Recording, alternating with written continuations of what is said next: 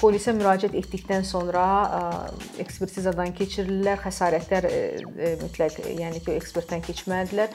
Həmin bu müddət ərzində də hüquq mühafizə orqanlarının birbaşa vəzifəsidir ki, həmin şəxslərin təhlükəsizliyini təmin etsinlər.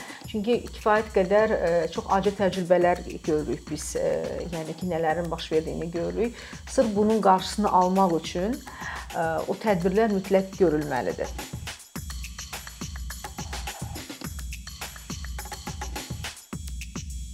Rövşənə xanım, salam. Çox sağ olun ki, bu gün dəvətimizi qəbul elədiniz. Sizi düşünürəm ki, təqdim etməyə ehtiyac yoxdur. Amma sırf Məncə var. ə, sırf məişət zorakılığı ilə bağlı yaxından ə, işləyən ə, və bu mövzunu izləyən insanlar ə, sizin adınızı artıq bilirlər, amma bilməyənlər də var. Onlar üçün ə, təqdim eləyim sizi. Rövşənə xanım vəkildir və məişət zorakılığından zərər çəkmiş şəxslərə ə, köməklik göstərir. Rövşən xanım neçə ildir ki, vəkillik fəaliyyəti ilə məşğulsunuz və neçə ildir ki, məişət zorakılığından zərər çəkən şəxslərə kömək eləyirsiniz? Çox sağ olun dəvətiniz üçün. Çox xoşdur. Yəni belə deyim, vəkillik fəaliyyəti ilə 6-7 aydır məşğulam. Sırf yəni peşəkar vəkil kimi kollegiyanın üzvüyəm yeri gəlmişkən fəaliyyətimin artıq 6-cı ayında kollegiya tərəfindən fəxri fərmanla təltif olundu. Bu mənim üçün gözlənilməz olduğu qədər çox xoş bir hal idi. Amma məişət zorakılığından zərər çəkmiş şəxslərlə uzun müddətdir, təxminən bir 7 ilə yaxındır ki, mən işləyirəm bu sahədə. Ona görə az təcrübə hesab olunmurdu məncə. Yəni 7 ilə yaxın, ondan daha əvvəl də, yəni tələbəlik dövründə də yəni bu sahəyə marağım var idi. Amma 6-7 aydır sırf vəkil kimi artıq bu işlərə çıxıram. İlkin olaraq sizə müraciət edən zərər çəkmiş şəxs nələri etməlidir, nələri bilməlidir? Belə deyək onların minimal bilməli olduğu hüquqi məsələlər. Tutalım ki, vəkilə ya da hüquqşünasa müraciət edə bilmirlər nə edə bilərlər? Çünki heç kəs bu haldan sığortalanmayıb. Özümüz bilirik ki, məişət zorakılığı yəni statistik məlumatlar olmasa da eşidirik ki, yaxında, yaxında və bizim dostlarımızın, qohumlarımızın ailəsində, bəlkə də elə öz ailəmizdə tez-tez baş verən hadisədir. O baxımdan ilkin olaraq nələri bilməliyik, hara müraciət etməliyik? İlk öncə qeyd edim ki, yəni məişət zorakılığı kabusu, yəni bu sosial bəla, yəni bütün bəşəriyyəti sarmış və narahat edən bir problemdir. Yəni təkcə Azərbaycanda rast gəlinmir. Ən inkişaf eləmiş ölkələrdə belə bu problem yəni təəssüflər olsun ki, günü bu gün hər gün öz aktuallığını qoruyub saxlamaqdadır. Məişət zorakılığından zərər çəkən şəxs, yəni qurban deyək, ilk olaraq nə etməlidirlər? İlk olaraq biz e, bunun fərqli-fərqli e, situasiyalardan analizlər eləmişik. E, hər кейs individualdır, özünə məxsusluğu var o heç, amma hər dəfə biz görürük ki, hər keysdə qurban özünü fərqli aparmalıdır ki, minimum həddə oradan zərər çək çəksin. Məsələn, ilk öncə öz təhlükəsizliklərini düşünməlidirlər. Yəni əgər artıq aqressorla aralarında insident baş verirsə, Orda telefonu elə bir məqamlar olur ki, ani bir yəni vəziyyət yaranır. Zorakılıq qurbanı imkan belə tapmır ki, telefonu əlinə alıb kiməsə müraciət etsin, ya polisi çağırsın, ya qohumlarından kiməsə xəbər versin. Biz hər dəfə onu izah eləyirik və məsləhət görürük ki, situasiya uyğun olaraq davranmalıdırlar. Yəni aqressorun şəxsiyyəti burada öz rol yəni deyir. Aqressorun yəni riskləri, yəni artıq o aqressorla yaşayan adam, istər əri olsun, istər partnyoru, istər atası, yəni qohumları tərəfindən artıq o riskləri nəzərə almalıdır ki, bu şəxs hansı həddə ona ziyan vura bilər. Yəni bundan nə gözləmək olar? Bir şilləmi, yoxsa bıçağı götürüb ona xəsarət mi yetirə bilər və yaxud da ki, hər hansı başqa bir hərəkətlər edə bilər? Yəni bu riskləri mütləq şəkildə insident vaxtı, yəni yaxşı olar ki, zərər çəkən şəxs nəzərə alsın və maksimum dərəcədə öz təhlükəsizliyini düşünməlidir hmm. ilk növbədə. Əgər qapını açıb qaçmaq mümkündürsə, qapını açıb qaçsın. Əgər görürsə ki, onun emosional və onun yəni demək odur ki, qarşındakı aqressorun emosional vəziyyətinə uyğun olaraq artıq adaptasiya olmalıdır ki, minimum ziyanla çıxsın orada. Yəni xəsarətlərin çünki biz bilmirik də nəticəsi nə ola bilər. ilkin olaraq bu məsələlərə mütləq şəkildə diqqət yetirilməlidir və ə, əlbəttə ki, şikayət mütləq etməlidir zərər çəkən ə, bu hüquq mühafizə orqanlarına olmalıdır, yəni ki, yaxın qohumlarına müraciət etməlidir kömək üçün, dostlarına, ətrafına. Yəni vəziyyətdən asılı olaraq. Yəni elə moment olur ki, bir də görürsüz ki, sadəcə əlində sənin yəni konturun olmaya bilər. Sənin telefonunda zaryadkan, yəni də telefonun şarjı çox az bir ola bilər, amma bir moment varsa ki, sən sosial şəbəkəyə çıxışın varsa, orada imdad diləyə bilərsənsə, bir kəlmə sözlə imdad sözünü yaza bilər. Artıq e, ətrafında və yaxud da ki, kiməsə WhatsApp ya SMS e, göndərə bilər ki, kömək edin. Bu məqamlarda, yəni ki, mən praktikadan e, irəli gəlir mənim bütün bu dediklərim. Bu vəziyyətlərdən istifadə etmək lazımdır. Yəni əlimizin altında həmin an nə resurs varsa, ondan mütləq e, yəni e, istifadə etmək lazımdır ki, o situasiyadan çıxmağa bizə yardımçı olsun kimsə. Hı -hı hüquqi çərçivə bunun üçün nədir? Tutalım ki, polisə şikayətini bildirirlər ya da prokurorluğa gedirlər ya da ilkin olaraq məsələn siz məsləhət görə bilərsiniz ki, tam qohumunuzun evində 2 gün qalmağı əvəzinə gedin xəstəxanaya, çünki izlər də itir, sonra bunu sübut etmə də e, ciddi problemlər ola bilər. O baxımdan etməli olduq. Tutalım ki, artıq onlar e, bəxtləri gətirdi, belə deyək və zəng eləyə bildilər ya da evdən çıxıb qaça bildilər. Ondan sonrakı etap nədir? Hə, yəni bayaq qeyd etdiyim məsələ ilkin olaraq zərər çəkmiş şəxsin sırf təhlükəsiz özünü, yəni təhlükəsizliyini təmin etməlidir. Həmin an əgər yəni biraz müqayisə necə olacaq? Biz bəzən karantin müddətində biz bunu deyirdik ki, aqressorlarla o qapanma vaxtı bilirsiniz ki, yəni kifayət qədər riskli bir dövrlər idi yəni bir vəhşi heyvanla sanki bir yəni arada qalmaq kimi mən onu hər, hər dəfə deyirdim ki, orada yəni məsələlər çox ciddi fəsadlarla nəticələnə bilər. Yəni qeyd elədiyim kimi ilkin olaraq öz təhlükəsizliyinin naminə bu hərəkətləri mən dediyim o tövsiyələrdən istifadə etmədilər. İkinci aşama artıq hüquqi müstəviyə keçir. Mütləq şəkildə polisə müraciət olunmalıdır və əgər qadının və yaxud da ki, fərqi yoxdur da, hər hansı bir zərər çəkmiş şəxsin məişət zorakılığından getməyə yeri yoxdursa, sığınacağa müraciət etməlidir. Təəssüflər olsun ki, yəni çox adamın bununla bağlı məlumatı yoxdur. Çatımlılıq bəzən çox az olur. Amma polisin məişət zorakılığının qarşısını alması haqqında qanunun 7-ci maddəsi ilə də bir sıra öhdəlikləri var. Əgər qadın müraciət eləyirsə zərər çəkən məişət zorakılığının qurbanı, o 7-ci maddədə sadalanan öhdəliklərini yerinə yetirməlidir. Bu həm pulsuz tibbi, psixoloji, hüquqi yardımla təmin edilmə, sığınacağı yerləşdirmə, hətta mühafizə orderinin alınması ilə bağlı köməklik də göstərməlidir polis əməkdaşları. Amma praktikada biz deyən ki, problemlərdən mən danışacağam. Mən əsasən xoşlayıram problemlərdən danışım, qabardıq ki, yəni problemlərin nədən ibarət olduğu, boşluqların harda olduğunu, yəni görünsün, bilinsin bu məsələlər. Yəni qeyd elədiyim kimi, təəssüflər olsun ki, yəni tez-tez rast gəlinən hallardan biri də odur ki, polis əməkdaşları, yəni bu spesifik sahədir. Bu bunun Biz universitetdə bizə dərs keçmirlər bu sahədən ayrıca bir fən kimi bilirsiniz. Spesifik sahədə olduğu üçün mütləq şəkildə bu sahədə rastlaşan bu işləyən, yəni vəzifəli şəxslər, yəni aidiyyatı qurumlar əlbəttə ki, təlimlənməlidirlər. Yəni təlim keçməyən adam əlbəttə ki, bu qanunun mövcudluğu haqqında, onun e, yəni işlək mexanizmi haqqında, qanunun anlayışı haqqında məlumatı olmayacaq. Biz e, bu qanunla e, yəni müdafiə vaxtı, yəni də zərər çəkən şəxsin hüquqlarının təmsili müdafiəsi vaxtı gedəndə qanundan danışanda 99% qanundan məlumatsızdılar açırlar, oxuyurlar. Yəni açıb oxumaqla da deyil də, sən bunun təlimini keçməlisən, sən bunu tətbiq e, etməlisən ki, praktikada yəni qarşılaşdığın vəziyyətdə hansı addımları atmalı olduğunu biləsən. Hı -hı. Yəni təbii ki, burada söhbət təkcə polisdən getmir, polis əməkdaşlarından getmir. Eyni sayda problemlər var ki, yəni aidiyyatı qurumlar ümumiyyətlə qanunun mövcudluğundan belə xəbərsizdilər. Çox təəssüf. Hı -hı. Qeyd eləyim ki, hə, polisə müraciət e, etməlidirlər mütləq şəkildə hüquqi yardımla bağlı müraciət etməlidirlər. Əgər imkanları yoxdursa hüquqi yardım üçün, yəni vəkillə müqavilə bağlamağa və ona ödəniş etməyə müraciət etsinlər. Yəni mən deyim ki, vəkillər kollegiyası da, yəni bir çox vəkil var ki, özləri də, yəni mən bu sahədə işləyirəm. Dəfələrlə özləri mənə təklif ediblər ki, biz də pulsuz hüquqi yardım göstərə bilərik.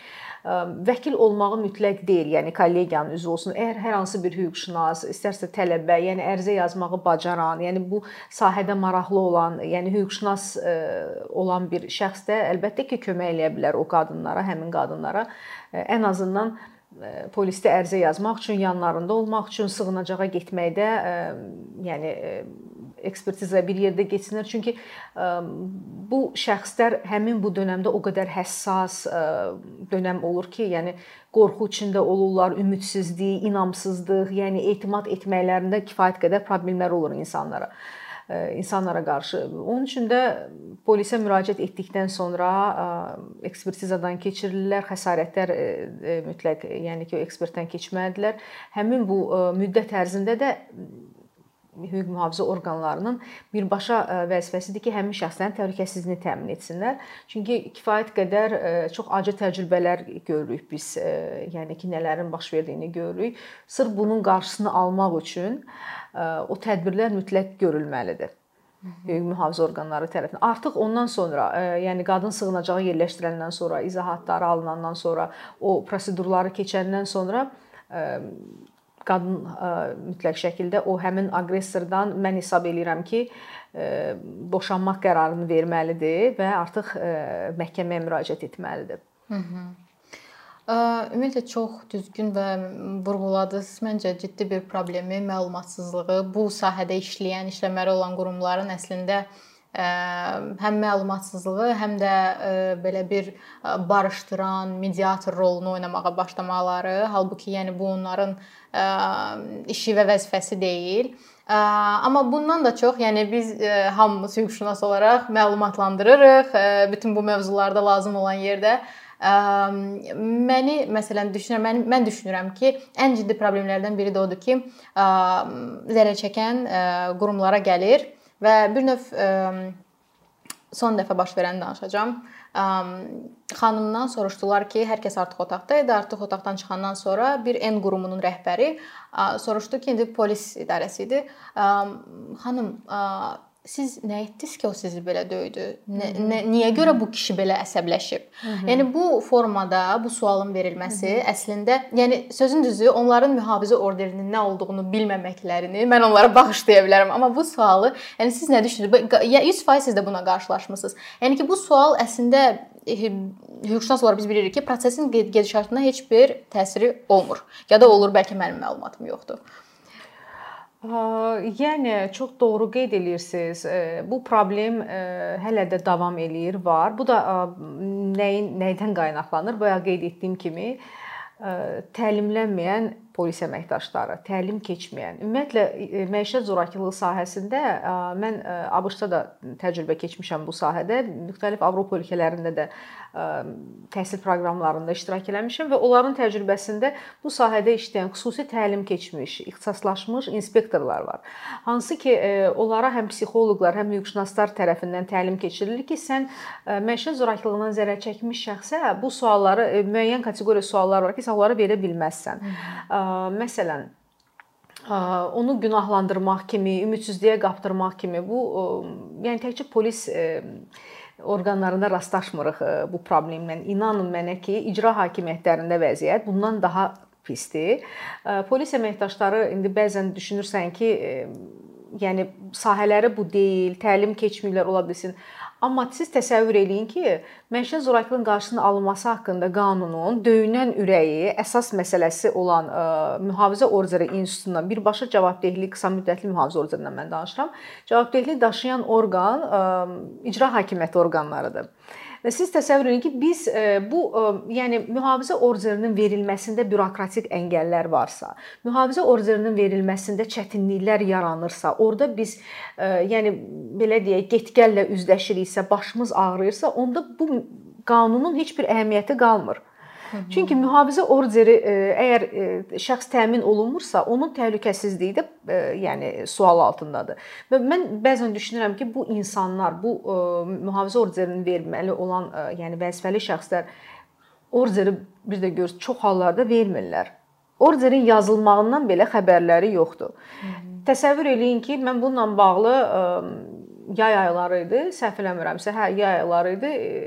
Qarşılaşdığım problemlərlə bağlı sosial şəbəkələrdə paylaşımlar etdim və bunda ə, bəzi media nümayəndələri sağ olsunlar işıqlandırdılar.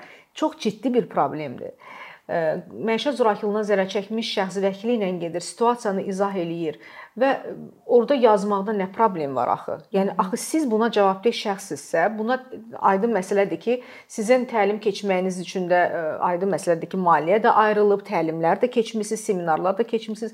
Yazmaqda çətinlik çəkirsinizsə bizə müraciət edin. Zaten biz mühafizə orderinin alınması üçün ərizə tərtib eləyəndə biz bütün konvensiyalara, qanunlara istinad edirik. Götürün oradan, yəni biraz pis çıxmasın, copy paste eləyin, yapışdırın ora, yəni o sənədin üstünə və mühafizə orderi verilsin. Biz zaten orada xahiş edirəm hissəsində qeyd edirik də aqressor tərəfindən bu bu bu hərəkətlər bizə qarşı olunması qadağan edilsin. Copy paste elə yaz. Yəni axı burada çətin nə var? Siz aylarla bunu uzadırsınız. Təsəvvür eləyin ki, mən ə, bunun nəticəsi olaraq məcbur olmuşam inzibati məhkəmədə iddia qaldırmışam inzibati orqanın qarşı ki, üzərinə vəzifə qoysun ki, mühafizə orderi verilsin. Bu məsələyə də toxunacağıq biz o boşluqlarla bağlı. İnzibati məhkəmələrdə də iş bilirsiniz ki, aylarla davam eləyir, yəni müddət yoxdur. Aylarla davam eləyirsə, bəs bu zərər çəkən şəxs necə çıxsın küçəyə bayram? Necə, yəni ki, təhlükəsizliyini hansı qaydada təmin eləsin? Təsəvvür edirsiniz də nə deməkdir? 5 gün müddətində qanunla araşdırılmalı və 24 saat ərzində verilməli olan qısa müddətli mühafizə orderini biz aylarla ala bilmirik. Çox ciddi bir problemdir bu.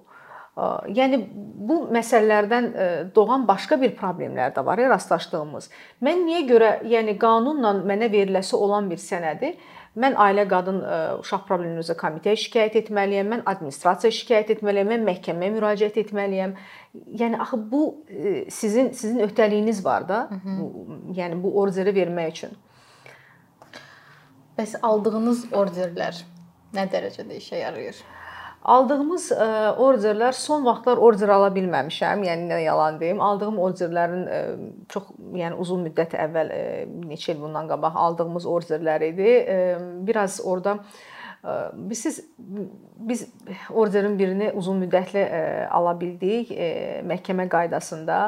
Artıq məhkəmədə proses getdi. Şəxs biraz yəni ki o məsuliyyəti hiss elədi. Bu sənəd yəni məhkəmə qətnaməsi formasında çıxır və dərhal icraya yönəlir. Digər orderdə biz mən bir yaşlı bir kişi üçün almışdım. Yaşlı bir kişi evdə qızı və həyat yoldaşı tərəfindən zorakılığa məruz qalırdı. Onu da çox böyük çətinliklə aldıq. Yəni məhkəmələrdə problemlərlə rastlaşmırıq. Çünki orada 3 gün müddət var. 3 gün müddətində artıq hakim onun qətnamə formasında verməlidir. Biz problemi əsasən yaşayırıq icra hakimiyyəti orqanlarında. Qanunvericiliyin də tələbi ondan ibarətdir ki, qısa müddətli 30 günlük e, birinci e, qısa müddətli üçün müraciət etməlisən, ondan sonra uzun müddətli. Hı -hı. Siz təsəvvür edin ki, icra hakimiyyəti orqanlarının səriştəsizliyi nəticəsində bizim dolayısı yolla məhkəməyə müraciət etmək hüququmuzun qarşısı kəsilir.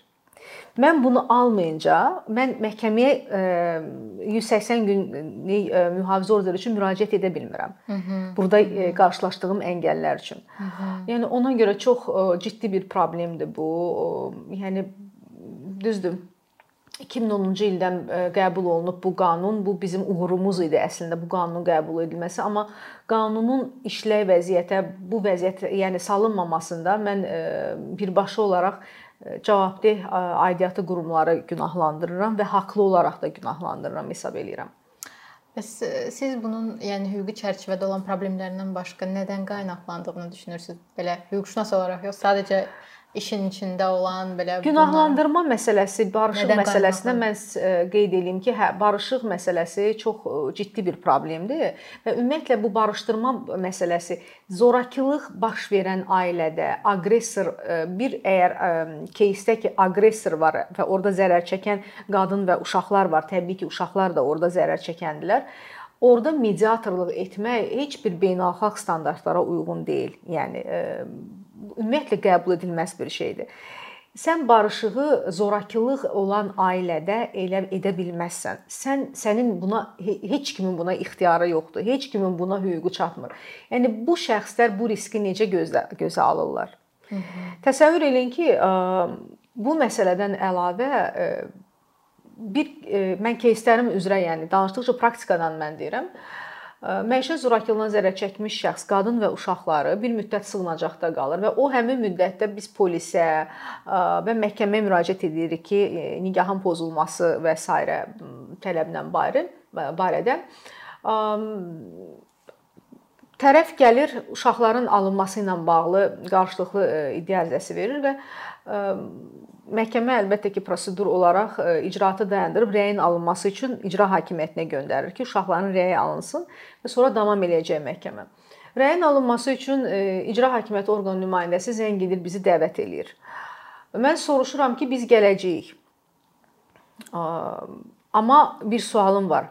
Siz həmin şəxsi də həmin gün dəvət edirsiniz, aqressoru. Bəli, həmin şəxs də gəlir. Deyirəm, bu axı mümkün deyil. Biz e, bu şəxsdən qaçmışıq, canımızı qurtarıb sığınacaqda sığınmışıq. Sığınacaqda yer e, yəni ordayıq. Uşaqların e, psixoloji vəziyyətləri və s. bəs bütün bunlar nəzərə alınmırmı? Əməkdaş mənə deyir ki, e, Rövşənə xanım, biz axı bilmirik orada məsələ nədir? Siz mi haqlısınız, yoxsa olarmı? Baxın, artıq stereotip işini gördü. Artıq məni, yəni ki, birbaşa olaraq zərər çəkmişin, e, yəni olmasa da dolayı ola onun nümayəndəsiyəm, onun dilindən danışıram, onun yerinə danışıram, buna hüququm çatır. Artıq mən günahlandırıldım burada ki, e, bəlkə sən yalan danışırsan, bəlkə sən düzgün, axı yəni bu hansı e, çərçivəyə sığır? Yəni bir gedin konvensiyaları oxuyun, gedin bir Avropa İnsan Hüquqları Məhkəməsinin e, qərarlarını, bununla bağlı qərar, en qədər qərarları onu oxuyun. Gedin SIDO komitəsinin sənədləri ilə tanış olun. Sən necə o stereotiplərdən qaynaqlanaraq qurbanı günahlandıra bilərsən və yaxud da ki, onun sözünə şübhə ilə yanaşa bilərsən ki, həmin qurban məişət zorakılığı qurbanları üçün nəzərdə tutulmuş şelterdə sığınacaqda uşaqları ilə qalır. Əlimizdə orada olma haqqında arayış var, psixo oranın psixoloqunun rəyi var. Yəni hər yoldan keçən axı sığınacağa getməz. Təbii ki, bu orada araşdırılıb onları qəbul ediblər də ən azından. Yəni biz buna etiraz elədik. Yəni mən izah eləyə bilmirəm ki, bəs bizim təhlükəsizliyimiz məsələsi də var da. Aqressorun elədiyi biz o adam gəlir bura çox sakit, mədəni bir şəkildə bizlə söhbət edir ki, mən aylarla uşaqlarımı görə bilmirəm. E, yəni mən onları ən azından heç olmasa burada görüm və s. dedim, xeyr. Yəni əgər adam bir adam sakit vəziyyətdə mədəni şəkildə gəlir, ünsiyyət qurursa, o demək deyil ki, onun içində bir aqressor yatmır.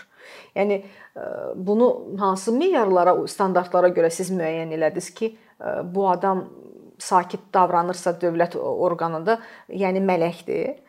Yəni siz təsəvvür edin ki, mənim enerjim oturub o digər məsələlərlə məşğul olmaq əvəzinə mən icra hakimiyyəti orqanından mübarizə aparıram. Mübarizə aparıram gecə saat 2-də, yəni təsəvvür edin ki, oturmuşam ailə qadın komitəsinə ərizə yazıram, müraciət yazıram ki, bir müdaxilə eləyin. Mən edeyim? Bu uşaqlar biləndə ki, ataları ilə koridorda qarşılaşa bilərlər. Bütün gecəni qızdırmaları qalxıb stres keçirdiblər. Bu da bir yana. Axı bizim risk, e, yəni e, həyatımız e, risk altındadır da. Yəni orada qarşılaşmaq var. Yaxşı, icra hakimiyyətinin içində o bitmir axı məsələ. Oradan çıxmaq var, e, taksiyə qədər, maşına qədər getmək bir məsafə var. Bəlkə hər hansımıza bir qarşı bir e, üzərimizə hücum, yəni bu potensialda olan bir adamdır da. Yəni mən bilirəm kim haqqında danışıram. Mən uşaqlarla da söhbət eləmişəm, e, zorakılığın bütün detallarını qədər bilirəm, ailədə vəziyyət nə yerdə olub. Yəni uşaq deyilik də bu işlə məşğul oluruq biz bu riskləri gözə alırlar və siz təsəvvür edin ki, sabah ə, yəni belə hadisələr bir deyil, iki deyil olub, özünüz də bilirsiniz. Biz ə, oradan çıxandan sonra hər hansı bir problem yaşansaydı, uşaqlara ya qadına hücum eləyə bilərdi, uşaqları götürüb qaça bilərdi. Təsəvvür edin ki, bu orqanın işçilərinin heç biri məsuliyyətə cəlb olunmayacaqdılar. Niyə? Çünki qanunda boşluq var. Hı -hı. Yəni həmin şəxs məsul edəcək, amma bunlar yaxalarını kənara çək. Halbuki bu həddə çatdıran, bu vəziyyəti yaradan həmin orqanların nümayəndələridir. Yəni yəni mən düşünürəm, yəni bu riskləri yəni öngörmək beləmi çətindir? Siz təsəvvür eləyin, mən gecə saat 2-yə, 3-ə qədər oturmuşam, elektron qaydada yazmışam, müraciət etmişəm ki, yəni bunu eləmək olmaz. Rəy vermək istəyirsən, çox gözəl. Ayrı-ayrı günlərdə dəvət elə, zərər çəkəni də, yəni şəxsi də. Biz də gələk, ayrı-ayrı lap çıxaq e, istəmirsənsə bizim e, təzyiqimiz varsa, təsirimiz varsa, uşaqları ayrıca dindirin ya bizim iştirakımızla, amma o şəxslə bizim üz-üzə siz bizi üz-üzə gətirməyiniz e, çox yanlış bir hərəkətdir. Siz təsəvvür eləyin ki, yəni ən xırda belə momentlərdə biz ərizə yazmalıyıq, buna enerjimiz getməlidir, şikayətlər etməliyik. Halbuki burada çətin heç nə yoxdur axı. Hı -hı. Yəni mən yəni bəzən bu məsələlər bizi yəni çox gərginləşdirir iş prosesində. Biz belə bütün problemlərdən danışdıq. Ə, amma yəni aydın məsələdir ki, çünki o çoxdur göz qabağındadır bu problemlər. Ə, bəs həlli yolunu nədə görürsüz? Yəni çıxış yol, çıxış yolu da deməyim. Məsələn, qanunvericilikdə gördüyünüz hansısa açıq-aşkar bir boşluq ki, hansını ki dəyişmək bu dəqiqə bir ciddi bir e, vaxt itkisi deyil. Hal-hazırda yəni təklif verilsə bəlkə də düzələcək bir şeydir. Yəni təklifləriniz nədir? Siz praktikada qarşılaşırsınız da birbaşa bunlarla. Təkliflərdən ilk öncə ən birincisi əlbəttə ki, İstanbul konvensiyası ilə bağlıdır. Bununla bağlı hələ ki bilmirəm vəziyyət nə yerdədir, sözün düzü, amma bu o qədər mükəmməl hazırlanmış bir e, beynəlxalq sənəddir ki, təsəvvür eləyin ki, hər bir detalı əhatə eləyib e, bu sənəd. Demək olar ki də barışdırma e, məsələsini çox, yəni icazə vermir. Hətta hökumətin üzərinə stereotiplərlə mübarizə ilə bağlı da bir sürü öhdəliklər qoyur. Yəni bu dərəcədə, yəni detallı hazırlanmış bir sənəd. Çox istəyərdim ki, konvensiyanı ratifikasiya eləyə və qanunları artıq uyğunlaşdırmaq lazımdır. Qanunlar 2010-cu ildə qəbul olunub, amma çox cüzi sayda dəyişiklik olub həmin qanuna.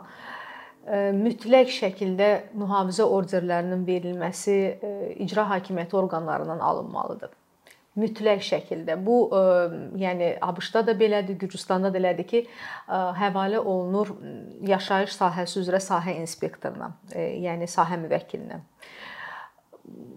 Yəni bu çox yaxşı olar ki, sahə müvəkkili ə, əlbəttə ki, onlar da təlimlənməlidirlər qanundan, qanunvericilikdən xəbərdar olmalıdırlar, məsələyə həssas yanaşmalıdırlar. Müraciət edən şəxslərlə bayaq qeyd elədiyiniz o polislərdə qarşılaşdığımız problemlə bağlı. Təkcə polisdə deyil, inanın ki, 10 ilin, 15 ilin hakimləridir, yəni gördüyümü deyirəm. Onlar da bəzən eyni mövqe günahlandırma, eyni yəni mövqedən çıxış edirlər. Yəni polis başa düşür, amma hakim 10 ilin, 15 ilin, yəni hər tərəfli yəni bu sahəyə hakim olan bir adam belə deyirsə, ona görə düşünürəm ki, sahə müvəkkilləri, bu ailə məsələləri üzrə inspektorlar təlimlənməlidirlər, hazırlıqlı olmalıdırlar və mühafizə orderlərini onlar verməlidirlər. Çünki sahə müvəkkili öz ərazisində yaşayan sakinlərə bələddir. Yəni kimin hansı problemdən əziyyət çəkdiyini də bilir kimin nə işlə məşğul olduğunu da bilir. Yəni ki, tanıyır, bələddir, kimin hansı potensialda olması ilə bağlı da, yəni məlumatı var. Və burada çox operativlik çox önəmlidir. Münaqişəli ailələr qeydiyyata alınır indi, e, yenə də alınmalıdır. Yəni e, mühafizə orderinin verilməsində də çətinlik olmamalıdır, problem olmamalıdır. Əgər şəxs gəlir deyirsə ki, mənə qarşı bu bu hərəkətlər olur, anında həmin gün ə, e, yəni araşdırılandan sonra, tərəflərin izahatları alınandan sonra mühafizə orderi yazılıb verilməlidir və dərhal icraya yönəlməlidir. Sahə müvəkkili ə, bir də görürsüz ki, ə, yəni smen məsələləri olur. 24 saat ərazini gəzir yəni nəzarət baxımından səlahiyyətləri daha çoxdur. Amma icra hakimiyyəti orqanları yəni saat 6-dan sonra işləmirlər. Təsəvvür eləyin. Ümumiyyətlə mühafizə orderinin icrasını icra və probasiya şöbəsinə tapşırılmaq özü də bir yanlış bir şeydir. Yəni bu elə olmalıdır ki, telefonu 7/24 açıq olan bir şəxsin nəzarətində olmalıdır, vəzifəli şəxsin nəzarətində olmalıdır. Daha effektiv olacaq mən hesab eləyirəm. Eyni zamanda məhkəmələrdə də yəni mən hesab edirəm ki, 3 gün müddətində yox, 1 gün müddətində baxılmalıdır. 3 gün artıq gec ola bilər. Yəni müddət olaraq. Başqa dəyişikliklər, yəni o qədər təkliflərimiz çoxdur. Onları bir-birini sadalasaq vaxtımız yəni çatmaz. Cinayət Məcəlləsinə, Cinayət Prosessual Məcəlləsinə dəyişikliklər olmalıdır. Yəni bir mənalı şəkildə. Onu da ə, istəyərdim, amma vaxtımız məhduddur təəssüf ki. Ə, bununla bağlı biz təkliflər etmişik dəfələrlə ə, Facebook səhifəmdə də paylaşmışam. Ə, yəni ə, müsahibələrimdə də qeyd eləyirəm. Ə, ümid eləyək ki, yaxşılığa doğru nəsə dəyişəcək. Ən azından. Çox sağ olun. Mən sizə bol enerji arzulayıram, çünki belə işlərdən işləmək adamı yorur, həm mənəvi, həm fiziki. Bir daha çox sağ olun ki, gəldiniz. Çox istərdim ki, burada yəqin bizi dayandırmasaydılar, biz bir bəlkə bir 2-3 saat mövzuda hə, danışardıq. Ümumiyyətlə mən danışdıqca problemləri, yəni özünüz görürsüz ki, necə problemlərin içində detallar var ki, biz yəni bu haqqda danışmalıyıq. Yəni susmaqla Bəli. olmur və mən Son olaraq sizə təşəkkürümü bildirirəm və qeyd eləyim ki, mütləq zərər çəkmiş şəxslər, məişət zorakılığı qurbanları, zərər çəkmiş şəxslər susmasınlar. Susduqca problem daha da dərinləşir və bir şeyi unutmayaq ki, məişət zorakılığı işlərinin, yəni hüquq pozuntularını, cinayətlərini digər cinayətlərdən fərqləndirən xüsusiyyəti də ondan ibarətdir ki, bu cinayətlər, bu hərəkətlər davam edici xarakter daşıyır E, yəni bir epizodla, bir dəfə ilə e, məhdudlaşmır. Oldusa e, davamlı şəkildə davam eləyəcək. Həm bura iqtisadi zorakılığı mən əlavə eləyə bilərəm, həm fiziki, həm cinsi, həm mənəvi. Yəni bu bir dəfə olmaqla yekunlaşmayacaq, davam eləyəcək. Ona görə də zərər çəkənlər şikayət etməkdən qorxmasınlar və bu günə qədər özlərində güc tapıb şikayət edən qadınlara təşəkkür edirəm yəni sağ olun ki, e, məsələni qaldırırsınız, susmursunuz. E, sizin sayənizdə biz də görürük ki, harda nə problem var, həm praktika yaranır, e, həm də ki, biz də biraz faydalı ola bilirik. Çox sağ olun bir daha. Siz sağ olun.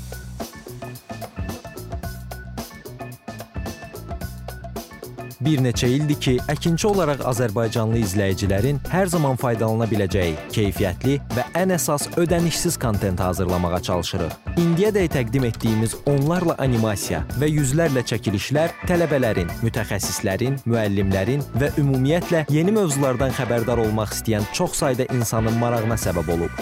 Bu illər ərzində hazırladığımız videolar təhsil, texnologiya, ictimai fəallıq, iqtisadiyyat, gender bərabərliyi, ətraf mühit, ifadə istifadə azadlığı, hüquq, demokratik inkişaf, mədəniyyət və digər mövzuları əhatə edib. Məqsədimiz çoxlu baxış gətirən deyil, çoxlu fayda gətirən videolar hazırlamaqdır. Amma bu düşündüyümüz qədər asan deyilmiş. Gördüyümüz iş kifayət qədər resurs, əmək və təbii ki, davamlılıq tələb edir. Bu səbəbdən Patreon platformasından istifadəyə başladıq. Əkinçinin Patreon hesabının populyarlaşmasına çox böyük ümidlərimiz və gözləntilərimiz var. Bəziləriniz Patreon haqqında ilk dəfə eşidirsiniz. Əslində çox sadə izahı olan bir platformadır. Təsəvvür edin ki, siz rəssam və ya musiqiçisiz. Sosial şəbəkələrdə sizi izləyən, işinizi bəyənən çox sayda insan var. Patreon platforması sizə imkan verir ki, izləyicilərinizin könüllü aylıq ödənişləri sayəsində işinizi davam etdirəsiz. Sərgi, konsert zallarından asılı qalmayasınız. Amma bu təkcə rəssam və musiqiçilərə aid deyil. Məsələn, əkinçiyə bənzər fəaliyyətlə məşğul olan bəzi layihələrin 10 minlərlə patronu var. Biz də düşündük ki, nə üçün əkinçinin Patreon hesabı olmasın? Sizin dəstəyiniz sayəsində sayəsində biz daha çox və daha keyfiyyətli kontent yaratmağa davam edə biləcəyik. Amma bu dəstək yalnız maddi dəstək deyil. Dəstəkçilərimizin sayının artması gördüyümüz işlərin faydalı olduğuna dair əminlik verir. Patreon platformasından istifadə çox sadədir. Hesabınızı açırsınız, sizə uyğun dəstək növünü seçirsiniz və Patreon özü hər ayın ilk günü kartınızdan seçdiyiniz dəstək növünə uyğun ödəniş tutur. Bu qədər. Sonda onu demək istəyirik ki, dəstəkçilərin sırasına qoşulmaq istəyən, amma məhdud imkana görə bunu edə bilməyənlər narahat olmasın. Daha öncə dediyimiz kimi, bizim əsas məqsədimiz daha çox insanın hər zaman faydalana biləcəyi keyfiyyətli və ödənişsiz kontentin yaradılmasıdır. Bunun üçün mütləq patronumuz patronumuz olmalısınız deyə məcburiyyət yoxdur. Amma imkanınız patron olmağa çatırsa və bizim işimizi bəyənirsinizsə, patronlarımızın sırasına qoşulmağınız bizim üçün çox önəmlidir.